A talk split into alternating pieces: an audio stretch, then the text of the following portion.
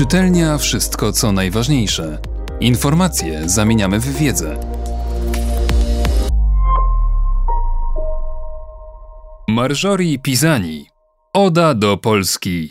Jestem polonofilką i jestem z tego dumna. Burzliwa historia, tożsamość bez przerwy zakłócana i poddawana w wątpliwość pozwoliły Polsce ukształtować swój charakter i zostać jednym z najlepszych uczniów spośród 28 krajów Unii Europejskiej. W erze neologizmów, w epoce, w której normą staje się odrzucanie wszelkich konwencji, w dobie relacji zdematerializowanych rozwija się w najlepsze przyjaźń oraz to uczucie, które nazywamy polonofilią. Pojawiła się ona u mnie 8 lat temu, choć tendencje panujące na świecie zdawały się marginalizować ten rodzaj uczuć. Nie będę tutaj dawała wyczerpującego opisu moich doświadczeń w tej mierze, ani silić się na opisanie w całości tej autobiograficznej przygody. Opowiem tylko o tym, jak te niezwykle ważne dla mnie 8 lat pozwoliły mi poznać arkana języków słowiańskich i odkryć kulturę o tak wielu różnorodnych obliczach. Powrót do przeszłości. Nie ma przypadków, są tylko spotkania, mawiał Paul Eluard. Nawet jeśli zdarza mi się od czasu do czasu zrzucać na karp przypadku moje umiłowanie języka polskiego i kultury polskiej, to muszę przyznać, że po ośmiu latach wspólnego życia jest ono dla mnie oczywistością. Wszystko zaczęło się od przypadkowego spotkania na uniwersytecie. Zakochałam się w Polsce, tak jak człowiek zakochuje się w przypadku pierwszej miłości. Początki były sielankowe, płomienne, pasjonujące, urzekające. Później zaczęło się pojawiać niezrozumienie ze strony mojego otoczenia, pierwsze wątpliwości związane ze spójnością mojej kariery akademickiej. W 2009 roku Polska od pięciu lat była już członkiem Unii Europejskiej. 20 lat wcześniej przeszła przez czas niewyobrażalnego kryzysu, a 64 lata wcześniej była jedynie polem ruin i gruzu, osłabiona, praktycznie wymazana z mapy świata. Burzliwa historia, tożsamość bez przerwy zakłócana i poddawana w wątpliwość, pozwoliły jej ukształtować swój charakter i zostać jednym z najlepszych uczniów spośród 28 krajów Unii Europejskiej. Mimo kryzysu w 2008 roku, który dotknął światową gospodarkę, Polska była jedynym krajem, który nie zaznał recesji i zanotował dodatni wzrost. W pierwszym kwartale 2017 roku wszystkie wskaźniki były na zielono. Niezakłócony wzrost plus 4,4 w pierwszym kwartale, spadające bezrobocie 5% na koniec czerwca, konsumpcja gospodarstw domowych plus 5,3 w drugim kwartale. Wyniki te kompensowały w znacznej mierze spadek inwestycji zagranicznych. Naprawdę jest czym zawstydzać Zachód i uciszać niedowiarków. Przez te 8 lat u boku Polski nie mogłam opędzić się od pytań. Na pierwszym miejscu, ale dlaczego język polski? Czytaj, dlaczego ten kraj? Na uboczu sceny międzynarodowej, a nie Chiny, nie Japonia, nie Rosja. Polska jest szóstą potęgą w Europie, oddaloną od Paryża tylko o 1500 kilometrów, na granicy dwóch wielkich mocarstw, jakimi są Europa i Rosja. Polska jest krajem kolorowym, wieloaspektowym. Jej mieszkańcy są ludźmi serdecznymi, otwartymi na innych. Morze, góry, kosmopolityczne aglomeracje, miasta otoczone fortyfikacjami, bogate swoją historią i licznymi legendami. Polska jest jak ciągle rozwijające się mrowisko, i z tych właśnie powodów nigdy nie przestawałam dbać o dobre imię Polski we Francji. Bogactwo języka polskiego. Za tym niewinnym eufemizmem kryje się jego skomplikowanie. Uznawany jest za jeden z najbardziej trudnych do nauczenia języków indoeuropejskich. Potrafił przykrzyć życie każdemu, kto ryzykuje przygodę z opanowaniem go. Jak tylko przebrnęłam przez deklinację, nieistniejące w języku francuskim, zabrałam się za czasowniki aspektowe.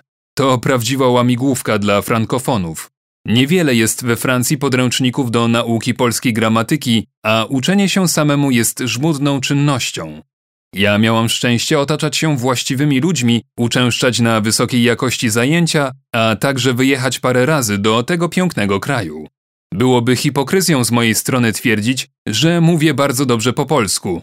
Tak naprawdę rozumiem język polski i czytam w tym języku lepiej niż mówię, ale proszę wziąć poprawkę na moją fascynację polską i wybaczyć mi to niedociągnięcie. Spenetrowałam czeluści polszczyzny poprzez klasyczną i współczesną literaturę. Czytałam Kapuścińskiego, Gombrowicza, Prusa, Miłosza, reportaże literackie, wiersze, powieści, opowiadania, sztuki teatralne. Starałam się nauczyć na pamięć reguł deklinacji i wszystkich wyjątków związanych z przyimkami, na próżno. To dzięki literaturze pięknej i słowom starannie dobranym przez pisarzy, dla których język polski jest językiem ojczystym, moja nauka szła do przodu i wciąż idzie dzień po dniu. Trudno mi może prowadzić dyskusję na temat ostatnich plotek, ale potrafię dyskutować o literackiej wartości ostatnich powieści Twardocha, Miłoszewskiego, Dechnela, żeby zacytować tylko najbardziej znanych. Lubię bogactwo języka polskiego, jego melodię, jego brzmienie, jego szeleszczenie. Ci, którzy mówią, że języki słowiańskie są chropowate, niech wiedzą, że polskie sylaby są łagodne, wyrafinowane, delikatne i pełne harmonii. A nawet jeśli dzisiaj literatura polska nie jest obecna u nas na tyle, na ile zasługuje, musimy zauważyć niesamowitą pracę tłumaczy i wydawnictw, którzy pozwalają rok po roku, by ta literatura mogła zaistnieć we Francji. Polska we Francji w 2017 roku. Po okresie, nazwijmy go adaptacji, moje bliskie otoczenie przyjęło do wiadomości, że moje życie zawodowe będzie kierowało się w stronę wschodu. Dla większości Francuzów pozostaje to jednak niezrozumiałe. Polscy emigranci mają skłonność do tworzenia wspólnoty o bardzo silnych więzach, oczywiście akceptującej innych, ale nie rzucającej się w oczy. Gromadzą się najczęściej w prawdziwym symbolu ich kultury w Paryżu, w Bibliotece Polskiej, mieszczącej się na wyspie Saint-Louis, jednej z najpiękniejszych dzielnic Paryża. Ale to także polska ambasada, gdzie odbywają się bardziej prestiżowe uroczystości, jak świętowanie rocznicy Konstytucji 3 maja, pierwszej Konstytucji Europejskiej, księgarnia polska przy Boulevard Saint-Germain i tak dalej. Jest jeszcze jedno miejsce dla wtajemniczonych, w którym polska społeczność ma silną reprezentację, to Instytut Narodowy Języków i Kultur Orientalnych INALCO. To w tym miejscu mogłam nabrać doświadczeń i wykorzystać wszystkie umiejętności nabyte w czasie moich studiów. To tu w okresie Bożego Narodzenia wykładowcy i studenci gromadzą się wokół makowca, sernika, pączków oraz butelki dobrego wina, świadectwa sojuszu polskich i francuskich smaków na okoliczność święta przebiegającego pod znakiem tej podwójnej tożsamości we wnętrzu każdego z nas. Członkowie polskiej diaspory we Francji, których poznałam, są w większości młodymi ludźmi, wywodzącymi się z rodzin emigrantów, którzy pragną podtrzymać znajomość języka polskiego i uczestniczyć w rozwoju ekonomicznym Polski. Inni chcą wyruszyć śladami swoich przodków, nawiązać kontakt z kuzynami, wujkami, ciotkami, którzy zostali w kraju. Są też tacy, którzy żyją we Francji od kilku lat i chcą po prostu doświadczyć języka polskiego w nieco innej formie, a także promować znajomość języka polskiego. Nie sytuuję się w żadnej z tych grup, a jednak czuję się Polką. W połowie oczywiście, ponieważ jestem i pozostanę na zawsze francuską. Ale czuję bliskość z tymi ludźmi, ich przekonaniami, pasjami, pragnieniami, chęcią zobaczenia, jak Polska na nowo odradza się z popiołów i na nowo odżywa wielowiekowa przyjaźń między oboma narodami. Nikt nie zapomina o Napoleonie Bonaparte, pierwszym cesarzu Francuzów, ani o hrabinie Walewskiej. Ich idylla, równie krótka jak namiętna, doprowadziła do powstania Księstwa Warszawskiego 1807-1815, a także przyniosła we Francji fascynację tą piękną kobietą, która przebywała we Francji między 1811 a 1814 rokiem i której serce pochowane jest na paryskim cmentarzu Père Lachaise. Nie zapominajmy również o generale de Gaulle'u, prawdziwym obrońcy niepodległej Polski, którego pomnik stoi dumnie na skrzyżowaniu Nowego Świata i Alei Jerozolimskich. Odnajduje się w dziedzictwie tych niegdysiejszych bohaterów podróżujących po Europie. Są po części i moimi bohaterami, to oni przyczynili się do sukcesu w stosunkach francusko-polskich, stwarzając godny pozazdroszczenia model współpracy międzynarodowej. Sama próbuje tworzyć pomost między oboma krajami. Dzisiaj, w 2017 roku, nawet jeśli sytuacja się trochę pogorszyła, Nawet jeśli geopolityka stara się zasiać niepokój w tej pięknej przyjaźni, nikt nie może podważać faktu, że obie, piękna Słowianka i Francja, mają wciąż świetlaną przyszłość przed sobą.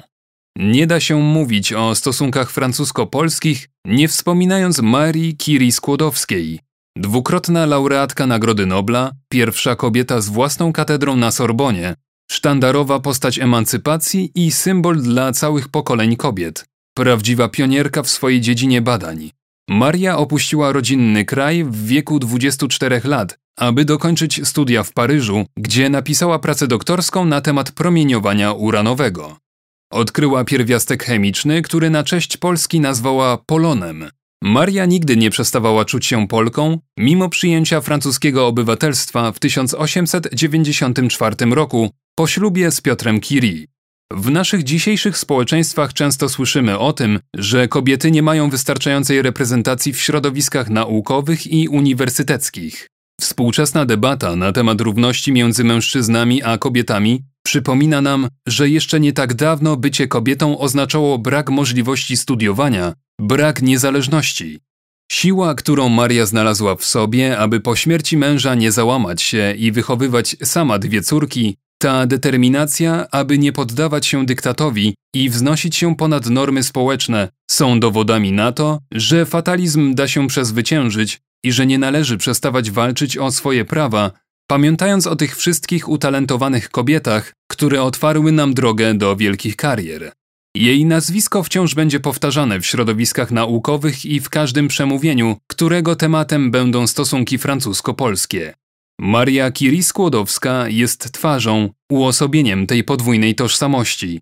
Jej spadkobiercy dumnie będą nosić jej nazwisko, a my wszyscy, zakochani w Polsce, francuski i Francuzi, nie przestaniemy podążać śladami tej niezwykłej kobiety. Jestem francuską urodzoną we Francji z rodziców Francuzów, a jednak moimi ulubionymi kolorami są czerwony i biały. U mnie 1 maja trwa do 3 maja, znam na pamięć przepis na pierogi. Zwiedziłam więcej polskich miast niż miast w moim własnym kraju, a słowa, których mi czasem brakuje, są posłańcami uczucia stanowiącego część języka uniwersalnego języka serca. Czytelnia Wszystko co najważniejsze. Czytał Mateusz Mleczko.